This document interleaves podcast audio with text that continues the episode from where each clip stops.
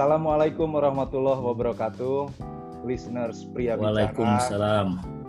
Om Andre, uh, malam ini kita kembali lagi di episode ke-6 Pria Bicara Podcast, di mana uh, kali ini saya akan mengangkat topik tentang atau bahan bicara tentang diaspora Indonesia di negeri petrodolar.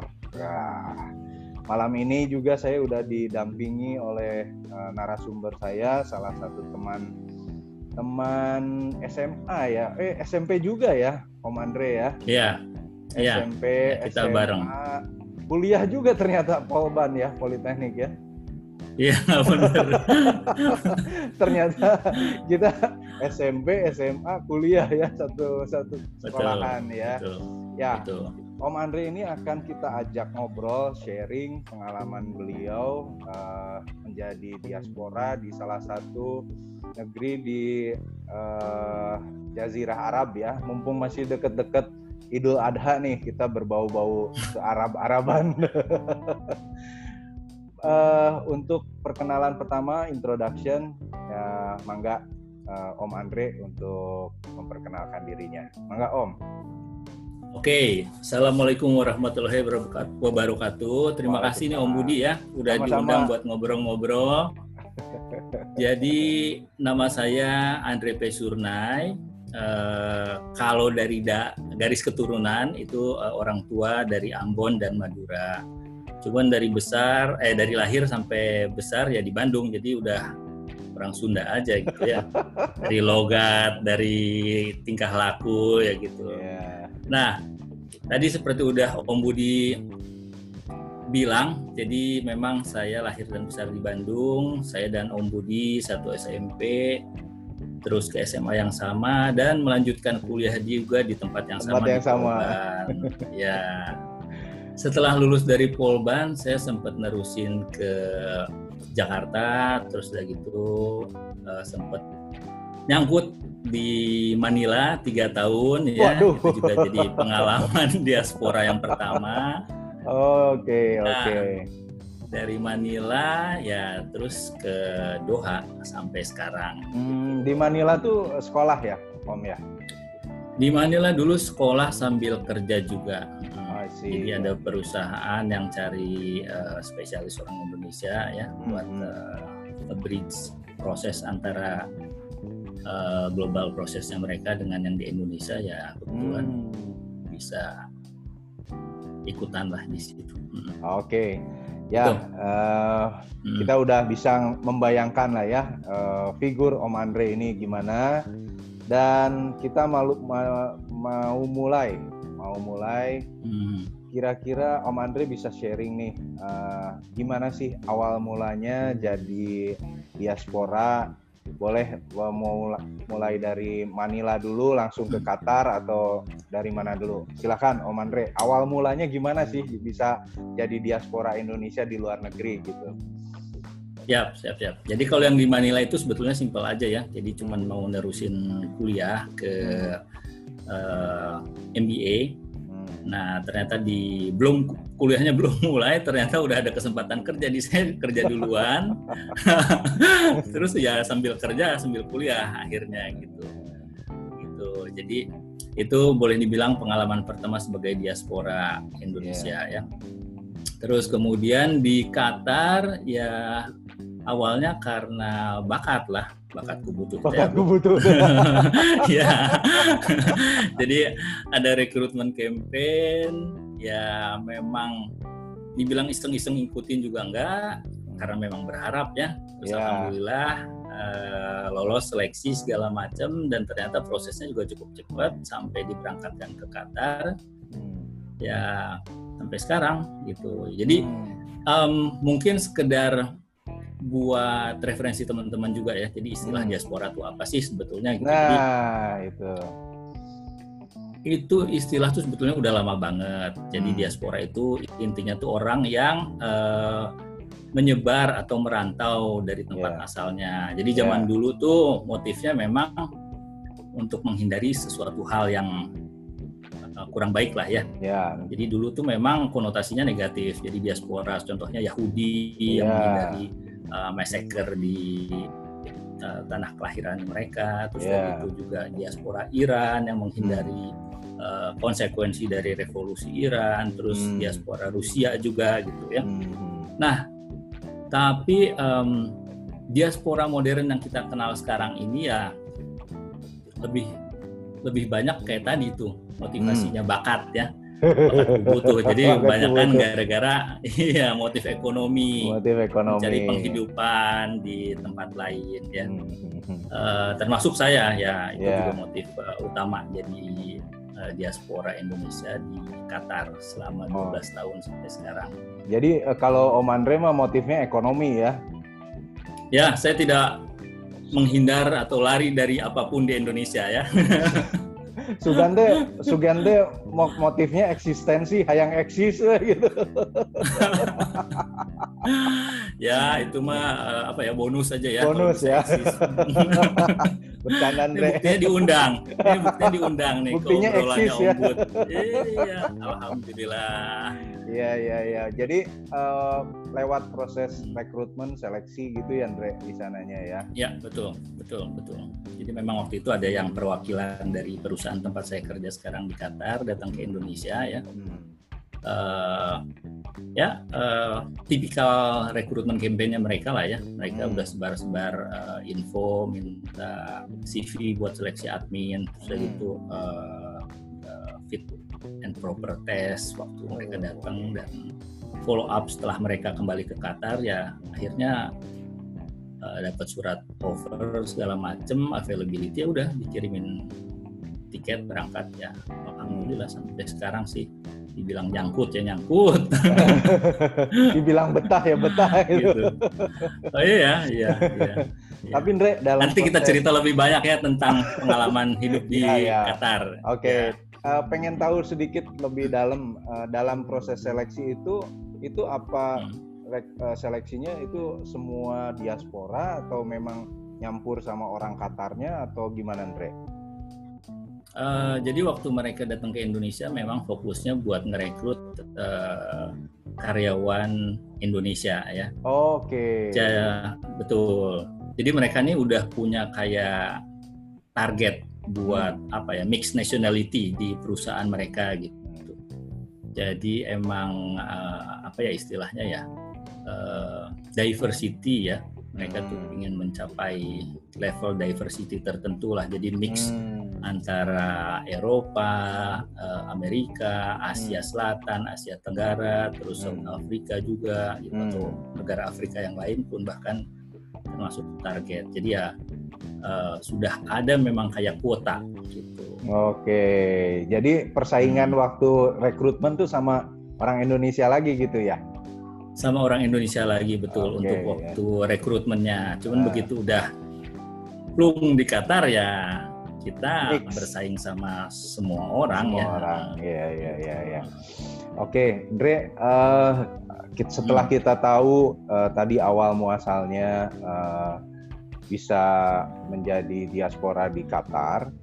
Nah, hmm. waktu udah kerja kemudian mengawali hidup sebagai diaspora hmm. di Qatar ini bisa cerita lebih banyak nggak Om Andre gimana penyesuaiannya kemudian penyesuaian yang senangnya gimana yang nggak senangnya yeah, gimana yeah. gitu ya Om Andre mau nggak yeah. nggak uh, jadi menurut pengalaman saya sih proses penyesuaian, proses adaptasi saya sebagai diaspora yang tinggal di Qatar ini relatif lebih smooth lah ya.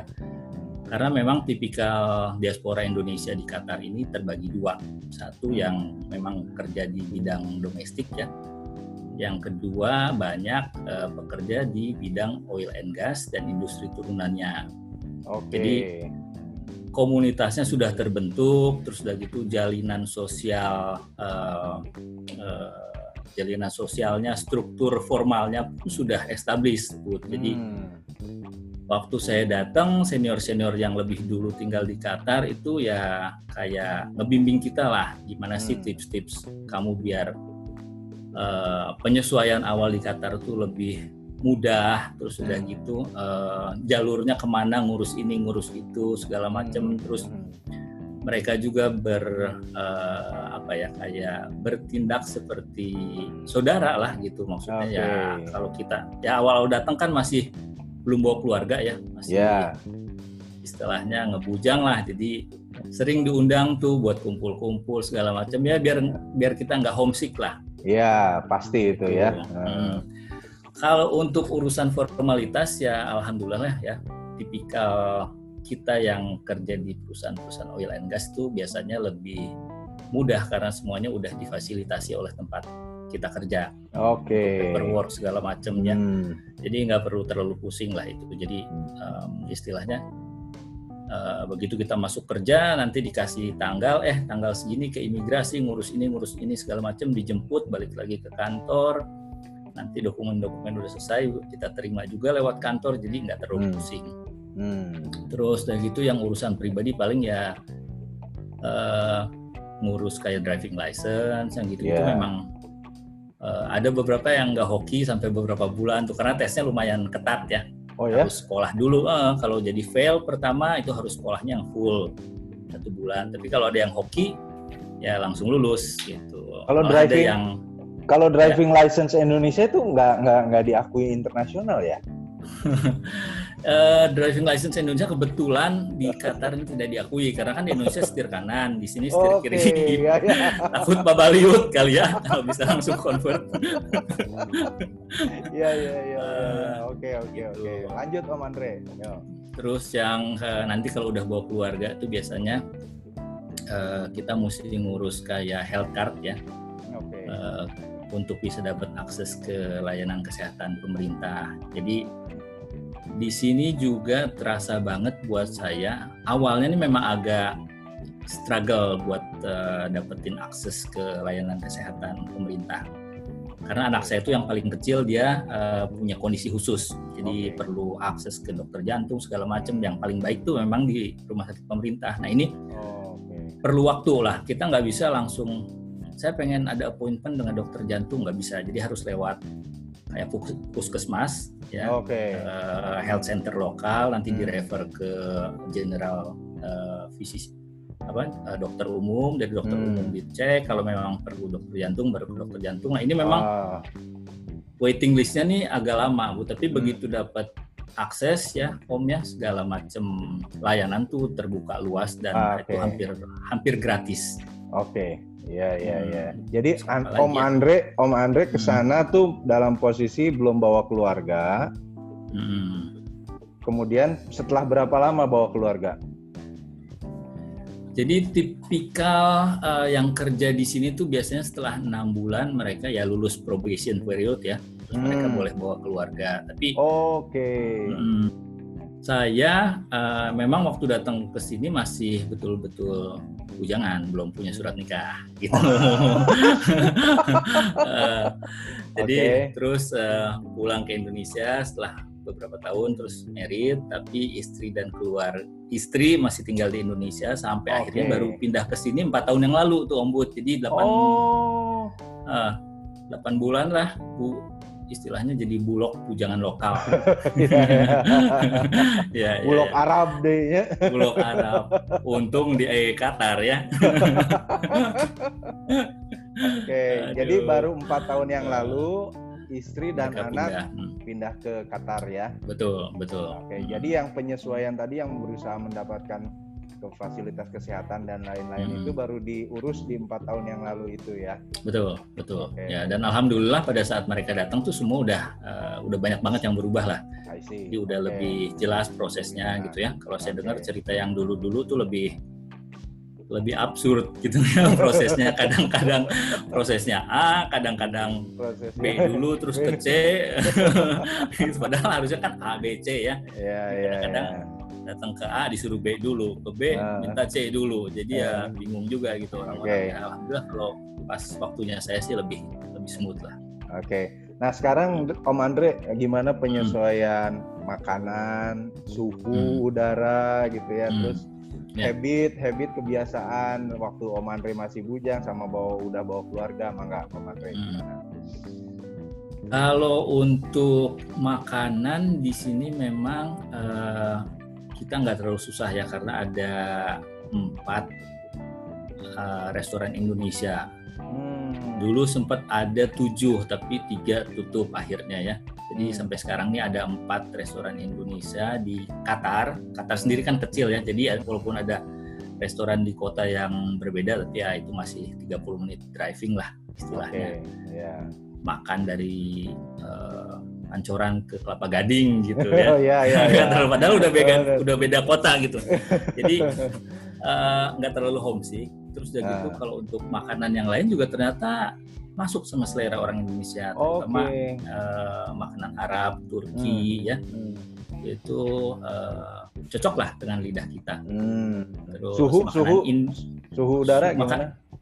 Suhu udara memang kalau summer nih kayak sekarang ini ya. Ya. Jadi keluar aja 48 Celcius di luar. Astagfirullahaladzim. Ya, hmm. ya. Itu memang luar biasa tuh kayaknya tempelin apa ya? Uh, wajan di kap mobil tuh bisa, bisa goreng bisa telur, goreng nasi goreng. Iya, iya. Jadi ya, ya. Uh, Oke, okay, suhu gitu ya. Kalau pas musim dingin, Dek?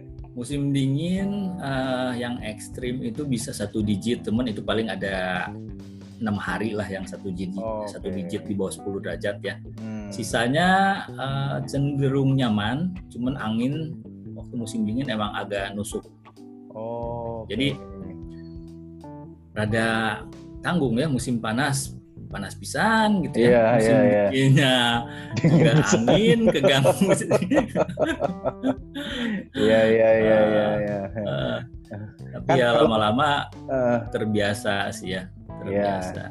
Hmm. Kalau itu apa kedengerannya masih enak-enak aja nih makanan eh, nggak terlalu banyak hmm. penyesuaian suhu hmm. ya ada panas ada dingin ada hmm. nggak penyesuaian yang paling bikin Om Andre sama keluarga tuh bikin aduh kok gini banget gitu yang paling oh. enak lah penyesuaian paling nggak enak itu yang paling challenging ya terutama yeah. buat keluarga karena hmm. uh, istri yang tadinya udah punya temen banyak gitu ya di Indonesia terus di sini ya harus mulai lagi komunitas baru. Sementara kalau saya kan yang di tempat kerja udah lebih gampang kan yeah, kita tiap yeah, hari yeah, berinteraksi. Yeah, nah, yeah, cuman istri ini kan atau anak gitu ya harus cari temen yang klik segala macam nah, itu yang yang berat walaupun sekarang udah empat tahun dilewatin cuman nggak bisa menggantikan apa yang uh, uh, mereka alami di Indonesia lah ya. I see. Jadi uh pasti masih ada gitu rasa-rasa uh, kangen dengan teman-teman, hmm. dengan aktivitas di Indonesia. Hmm. Itu yang paling berat. Selain itu, apalagi ya? Tapi sosial media membantu ya, cukup membantu lah ya sosial media. Ya, sosial media makin ke sini makin memudahkan lah ya. Dulu uh, eh, SMS kan, hmm. terus lama-lama ada media ya yang lewat internet lebih hmm. gampang, terus telepon juga makin murah, makin murah dan sekarang ada ini nih kita bisa iya, ngobrol, bisa ngobrol ya, langsung ya. Iya iya iya. Tapi tetap Apa? ya uh, adaptasi terhadap adaptasi. cuaca terutama waktu musim panas ini itu berat banget lah. Jadi orang-orang semua eh, rata-rata uh, tinggal di dalam rumah karena hmm. atau ke mall. Uh, iya ke mall ya. Hmm, karena kita buka pintu aja tuh udah anginnya angin panas kayak ada hair dryer raksasa gitu loh ombud di depan iya, iya, iya. kebayang ya oke jadi tantangannya hmm. itu yang uh, paling terasa adalah kehidupan sosial uh, bersosialisasi hmm. kemudian juga hawa eh, suhu ya yeah. gitu ya yeah, yeah. Nah, betul, Uh, berarti sampai saat ini keluarga masih udah ya masih menyesuaikan, tapi ya ada positif, ada negatif ya. Nah, sekarang uh, kita pengen tahu nih Om Andre setelah bawa ya. keluarga, terus kan kerja kan weekday kan uh, Senin sampai Jumat gitu ya. Nah, weekendnya nih keluarganya hmm. Om Andre ngisinya gimana nih weekendnya? Ya Di sini uh, hari kerja tuh mulainya hari Minggu ya Om Bud ya. Di oh, hari iya, Minggu sampai Minggu. Kamis. Uh, Jumat libur nah, ya? Jumat Sabtu libur. Okay, Jumat Sabtu okay. tuh weekendnya. Jadi ya buat saya ya kemungkinan orang-orang Indonesia yang lain nih um, ini kita kita apa ya sebagai benefit ya kita ya hmm. karena minggu kita hawanya masih hawa ngikutin di Indonesia. Walaupun udah 12 tahun nih tetap aja nih kayaknya minggu tuh waktunya ngobrol sama keluarga. Disempetin lah. Dikit-dikit di kantor ngehubungin keluarga teman-teman karena masih ya jadwal jadwal apa ya buat kita kangen-kangenan tuh ya weekend kan. Weekend, weekend Indonesia minggu. Jadi yeah. yang mood bener-bener kerjanya tuh mulainya Senin sampai Rabu. Karena Kamis udah udah, hawa weekend, weekend lagi. Jadi kerja tiga hari lah. Gitu. Iya iya iya. Jam iya. aja lah. Gitu. Loh kalau kita di Indonesia juga cuma tiga hari. tiga hari. Iya. Terus apalagi uh, ngisi waktu luangnya Om Andre sama keluarga? Ngisi waktu luang nih ya. Um, Oke, okay, selain uh, nanti saya sampaikan gimana keluarga saya ngisi waktu luangnya. Cuman hmm. Secara umum nih diaspora Indonesia di Qatar ini cukup aktif. Oke. Okay. Jadi um, itu banyak komunitas dari kegiatan, komunitas yang punya kegiatan atau apa ya uh, interest yang sama. Ada yang main bola tiap weekend, okay. ada yang tenis, ada oh. yang mancing, ada oh. yang apa off road di gurun pokoknya wow. banyak banyak oh, ya oke oke oke kita selama kita bergaul ya nggak akan bosen juga sih walaupun yeah. kalau dilihat kayaknya kehidupannya boring negaranya nggak nggak nggak kayak Indonesia banyak tempat menarik gitu ya tapi dengan ikut kegiatan uh, masyarakat Indonesia di sini nih kita jadi nggak terlalu bosen juga lah gitu ya. Oke, okay, oke. Okay. Terus ada yang uh, kayak sanggar tari, sanggar seni oh, juga mereka juga, juga aktif ya? tuh hmm, hmm, ngisi-ngisi kegiatan di kedutaan Indonesia malah hmm. kalau misalnya ada lagi pekan atau uh, apa ya kayak uh, eksibisi kebudayaan yeah. dan juga tuh buat nari ngisi segala okay. macam jadi lumayan membanggakan lah gitu okay. bahkan yang dari religius juga nggak cuma yang muslim yang hmm. uh, eh, non muslim juga mereka punya kegiatan punya komunitas yang cukup aktif oke okay. jadi uh, seimbang lah ya seimbang oke okay, oke okay. diaspora ya itulah uh, saya rasa diaspora di Qatar ini termasuk cukup menonjol -hmm. dari segi uh, apa ya uh, kebersamaan, kegiatan hmm. sosial dan kontribusinya juga ke Indonesia lumayan. Itu jadi kalau ada uh, kampanye bantuan apalah, musibah oh. atau itu juga cukup cukup menonjol ya hasilnya ya. Hmm. Cukup keharti lah ya gitu ya. Ya, ya cukup berarti. Cukup berarti. Oke, oke, oke. Terus kalau saya sendiri ya sekarang sejak dulu sih waktu bujangan lokal ya, ya sering banget camping terutama kalau musim dingin. Oke. Okay. di gurun, okay. terus di itu menarik juga lah karena hmm. camping di sini mah gampang ya ombudnya. Iya. Yeah, Jadi tenda, kayu bakar segala macam tinggal masukin mobil tuh mobil uh-huh. bisa nyampe bener-bener ke titik kita camping. Kan kalau di Indonesia mah ada ripuh tuh. Iya. Bawa ransel ya, uh. mesti jalan dulu. Ini mah jadi uh, praktis banget lah kalau camping sama teman-teman tuh. Oke. Okay. Gitu. Nah sekarang dengan adanya keluarga ya eh, fokus lebih ke keluarga ya biasanya aktivitas hmm. anak-anak lah yang weekend tuh renang atau hmm. aikido atau hmm. ada juga yang kelas uh, apa baca Quran ya. Oke, oke. Okay. Hmm. Ya, tapi oh. disempetin juga buat hobi kita ya. Saya memang dari dulu hobi sepeda ya sampai sekarang. Nah, di belakang, ini, itu dari tadi tuh. Goes ke mana Om Andre? Kalau goes ke mana nih? Ke gurun juga berarti goes, ya? Ya kalau misalnya pakai sepeda mountain bike ya ke gurun. Oke. Okay. Cuman gurunnya seperti yang orang bayangkan cuma gurun pasir, tapi ya uh, ternyata medan berbatu juga banyak di sini ya. Oke. Okay. Uh, treknya sih ya mirip-mirip konturnya artinya dengan permukaannya ya hard pack juga gitu nggak nggak selalu gurun pasir itu kalau hmm. mountain bike hmm. kalau pakai road bike ya biasalah antar kota ya antar kota antar berapa, kota ya berapa sekarang. kilo berapa kilo biasa rutin Om Andre itu kalau yang weekend dengan grup biasanya ya 100 sampai 130 kilo lah gitu. Hmm, luar biasa ya, 100. Ya. Terus 100. kalau 100 kilo, 100 kilo ya. sampai 100 100 sampai 130 ya. Aduh. 100 sampai 130. Oke oke oke oke.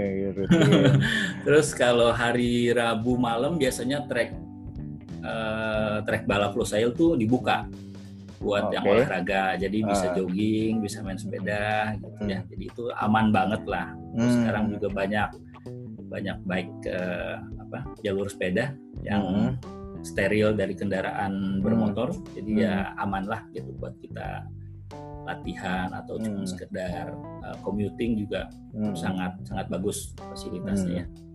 Berarti kalau yang di gurun mah pakai MTB gitu ya. Mm -hmm. Kalau yang road bike mah antar kota di mm -hmm. Eh, aspal jalan aspal, aspal jalan hmm. aspal 100 sampai 130 kilo rutin gitu ya weekend. Iya, weekend. Hmm. Itu kalau uh, Goes ini udah dari jejak bujangan dulu ya, Om Andre ya, sampai sekarang ya. Goes kalau di lihat-lihat ke belakang ya, emang dari kecil banget ya. Okay. Hobi gue. Terus sempet dilupain ganti dengan basket yang lebih glamor yeah. pada zamannya. Iya iya benar benar benar. Terus ya cuman basket kan memang apa ya uh, lumayan intens ya impactnya ke badan kita. Yeah. makin lama makin ya pengennya mah gerakannya cepet cuman apa daya lah. Pas kita lihat di rekamannya mah aduh maluin. Gitu jadi ya sementara sepeda kan lebih ke endurance ya. Endurance makin, betul. ya itu uh, buat orang yang berumur juga uh, relatif lebih ringan. Ringan betul. Dan betul. namanya endurance walaupun kita nggak bisa sekenceng uh, waktu zaman-zaman muda, tapi hmm. untuk endurance itu tetap masih bisa dipertahankan lah daya yeah, tahan kita. Iya, yeah, iya, yeah, iya, iya. Jadi ya lebih cocok lah ya. Hmm. Hmm. Nah, uh, apa si Goes ini kalau kita ngobrol hmm. sama diaspora, ini jadi pengen hmm. tahu tips and hmm. trick tips and trick goes di daerah gurun sana atau di daerah hmm. panas itu apa Andre yang bisa bikin beda nih sama kita di Indonesia? Pada dasarnya sih nggak jauh beda ya. Jadi uh, yang paling mendasar tuh pertama soal safety. Jadi hmm. mandatori itu minimal paling paling nggak helm pakai helm. Ya. Itu opsional sarung tangan, kacamata, terus udah gitu uh, kita juga mesti punya basic riding skill yang bagus ya. Hmm. Itu untuk yang ya olahraga-olahraga sepeda ringan atau commuting lah istilahnya. Ya. ya. Kalau minum minum gimana Andre? Om Andre? Minum. Nah, ah. ini terutama musim panas. Ya. Itu karena penguapan cairan tubuh itu sangat sangat besar. Jadi ya minimal satu jam kita konsumsi 500 ml. Oke. Okay. Kalau cuaca sangat panas dan itu juga sebaiknya uh, minuman yang mengandung elektrolit buat hmm. menggantikan hmm. ion-ion tubuh, tubuh ya. Jadi, um, jadi tetap seimbang lah si uh, senyawa kimia di badan ya. Hmm, hmm, gitu. Hmm, hmm, um, jadi pernah saya kalau musim panas itu biasanya goes 2 jam 3 jam itu minum bisa sampai dua setengah liter. Oke. Okay. Tapi pulang ke rumah tetap berat badan tuh turun satu setengah kilo. Artinya yang keluar tuh bisa cairan tubuh tuh bisa tiga setengah liter. Oh oke gitu. oke. Okay, okay, Walaupun okay. udah digantiin sama minuman sebanyak 2 liter, tetap kita masih oh. kehilangan satu setengah liter netnya yeah, gitu ya. Iya iya iya. iya. Nah, itu memang begitu sampai rumah tuh sampai malam tuh masih haus minum terus oh, gitu. Jadi okay. memang itu penting banget. Hmm. Hmm, hmm, hmm, hmm. Ada beberapa kasus di sini yang memang orang baru datang, belum adaptasi, belum nah, hmm. uh, ngerti mengenai yeah. pentingnya ada apa uh, hidrasi ya. Yeah. Itu uh, sampai kasus yang kena heat stroke. Nah, heat stroke itu dalam level yang ekstrim itu bisa sangat-sangat membahayakan, malah oh. bisa fatal karena yang diserang jantung dan otak. Oke, oke, oke. Hmm, otak okay. kan cairan semua tuh ya. Iya, yeah, Kalau yeah. kekurangan cairan ya nggak tahu istilahnya apa tapi saya bisa bayangkan itu hmm. rada-rada kering gitu ya itu sudden uh, pingsan ya biasanya kalau heat stroke ya itu biasanya uh, kunang-kunang terus hmm. dia bisa kehilangan kesadaran memang saat kehilangan kesadaran apalagi kalau lagi di atas sepeda tuh bisa jatuh impactnya ke kepala juga tuh. Ya, hmm. ya, ya, ya, ya, terus ya memang kalau nggak segera ditangani dengan uh, baik itu bisa sangat membahayakan. Hmm, hmm, hmm, menarik, menarik sekali uh, hmm. apa ngobrolin uh, bagaimana diaspora di Qatar mengisi waktu hmm. luangnya. Tapi hmm. yang pasti there's no place like home lah ya. Iya, ya selalu aja kangen gitu kangen. ya. Kangen. Nah, yang mau uh. saya ta mau tanya mau saya tanya ke Om Andre nih, kira-kira hmm. kalau pulang ke Indonesia tuh berapa lama sekali? Kemudian itu hmm. dari kantornya izinnya bagaimana dan lain sebagainya. Kira-kira gimana Om Andre sharingnya? Hmm. Jadi uh, kita ini dapat jatah cuti biasanya tuh eh, uh, 27 sampai 37 hari kerja. Sorry, 24 sampai 37 hari kerja ya tergantung okay. uh, lama bekerja dan posisi. Oke. Okay. Hmm, jadi uh, sekarang ini dengan uh, status sebagai keluarga ya eh, status keluarga ikut di sini, jadi biasanya kita menyesuaikan dengan jadwal liburnya anak. Biasanya hmm. bulan akhir Juni sampai akhir Agustus itu di Indonesia kita cuti. Oke, okay, oke. Okay. Hmm. Karena saya sih nggak bisa ninggalin kantor terlalu lama, biasanya saya bagi dua tuh. Jadi ngambil oh. cuti misalnya dua minggu di depan, terus satu bulan lagi di belakang. Sisanya tiga minggu balik lagi di Qatar kerja dulu gitu loh. Hmm.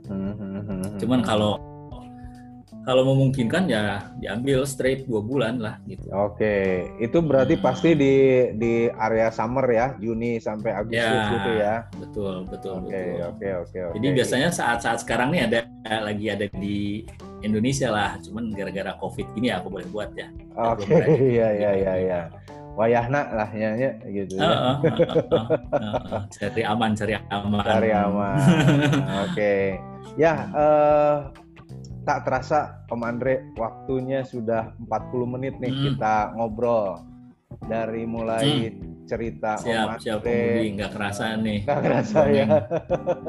dari mulai Om Andre nyampe hmm. di Qatar ya, bujang lokal, hmm. kemudian hmm empat tahun yang lalu eh apa menyesuaikan diri dulu dengan kondisi di sana empat tahun yang lalu datengin keluarga keluarga juga menyesuaikan diri dari sisi sosial dan juga hawa di sana kemudian ya. makanan ya. dan lain sebagainya kita juga tadi Tuh. ngobrolin tentang mengisi waktu luang di sana gitu ya mm -hmm. akhirnya kita simpulkan diaspora Indonesia di luar negeri itu bisa bertahan dengan baik ya, Om Andre ya? Uh, yang saya bisa sampaikan di sini ya, uh. jadi ah. memang uh, image diaspora Indonesia di Qatar ini cukup baik. Jadi baik. Uh, sebagai apa ya uh, karyawan tuh profesional, nggak banyak nuntut, yeah. nggak susah diatur, dan yeah. kita iya. juga uh, dalam hal kerjaan uh, lebih apa ya istilahnya hmm, kita berani ambil tanggung jawab kita berani uh, uh, ya dengan kemampuan kita kita pede lah melakukan pekerjaan ini segala macam oke okay. ya, bagus lah jadi so far oke okay buat uh, nama Indonesia gitu ya kita juga uh, bisa bangga sebagai perwakilan yang mewakili, mewakili. kita di sini lah ya. so dan far juga, secara general sih kayak gitu ya Om But ya. Iya, dan juga uh, masyarakat Qatarnya juga uh, bisa menerima gitu ya. Oh, dengan... mereka appreciate banget dengan okay. orang Indonesia. Oke. Okay. Sangat appreciate ya. Ya. Mereka nggak cuma appreciate tapi respect. Hmm. hmm. Oke, okay, ya, ya, ya cukup membanggakan mengingat di bulan Agustus ini kita akan memperingati Hari Kemerdekaan Indonesia dan yes. juga kemarin habis Idul Adha. Jadi hmm. bahan bicara malam ini rele relevan kedua-duanya nih. Okay, ke Idul Adha okay. juga masuk, ke, ke Agustusan juga masuk gitu ya. Iya, iya. Oke. Uh, anyway, Sip. thank you Om Andre atas waktunya. Sama-sama Om Bud. Bisa Semoga di podcast ya. saya ini kemudian sip, sip, sip. bisa sharing semua yang uh, dialami kepada uh, para listeners. Semoga hmm. yang Om Andre sampaikan bisa bermanfaat nih buat para listeners juga ya, untuk buat buat uh, calon-calon diaspora yang lain gitu ya. ya, ya nah, ya. barangkali dari Om Andre uh, terakhir ada yang mau disampaikan Om? Uh, apa ya? Jadi saya sebagai diaspora sih memang uh, uh, ya kita uh, bekerja di sini sebagai profesional ya tapi hmm. kita juga nggak melupakan asal kita uh, okay. Indonesia yes. terutama yang di Qatar ini masih erat banget hubungannya dengan Indonesia beda dengan diaspora yang di Eropa atau di US ya Okay. Yang memang banyak uh, mereka mau menjadi warga negara di sana. Oh iya iya. iya Tapi iya, untuk iya. di Timur Tengah karena memang peraturannya sangat susah untuk jadi warga negara di sini dan kayaknya juga negara kita jauh lebih indah ya dibandingkan hmm. dengan alam di sini. Jadi kita rata-rata tuh um, tetap pengen nanti suatu saat pulang berkarya okay. berkontribusi di negara sendiri. Jadi ya jangan apa ya jangan meragukan gitu ya tentang tentang komitmen kita, rasa yeah. nasionalisme kita, profesionalisme kita. Kalaupun kita kerja di sini tapi ya tetap 100% 110% ya Indonesia. Ya, Indonesia. Iya, yeah. gitu Mantap Om Andre. Sip, sip, sip, sip. gitu. Oke. Okay. Uh, eh, salam buat keluarga. Semoga sama-sama salam juga uh, Om Andre tetap sukses, keluarga di sana juga tetap uh, apa bisa bahagia dan bisa hmm. mendampingi Om Andre terus sampai karirnya uh, selesai di sana. Jangan lupa untuk kembali ke Indonesia, Om. insya Allah, Insya Allah. iya, iya, iya. Oke, okay, terima kasih. Thank you, okay. thank you, Om Budi ya, ngobrol-ngobrolnya. Oke, okay, listeners, uh, episode kali ini kita sudahi sampai sini. Terima kasih Om Andre. Kemudian uh, podcast ini bisa diakses di Spotify, Google Podcast, kemudian juga Apple Podcast dan terakhir kita juga uh, live di IGTV kami di @pria underscore bicara underscore podcast. Segitu saja dari kami di episode kali ini. Wassalamualaikum warahmatullahi wabarakatuh. Terima kasih Om Andre. Assalamualaikum. Waalaikumsalam warahmatullahi wabarakatuh. Thank you Om Bud. Yo, thank you.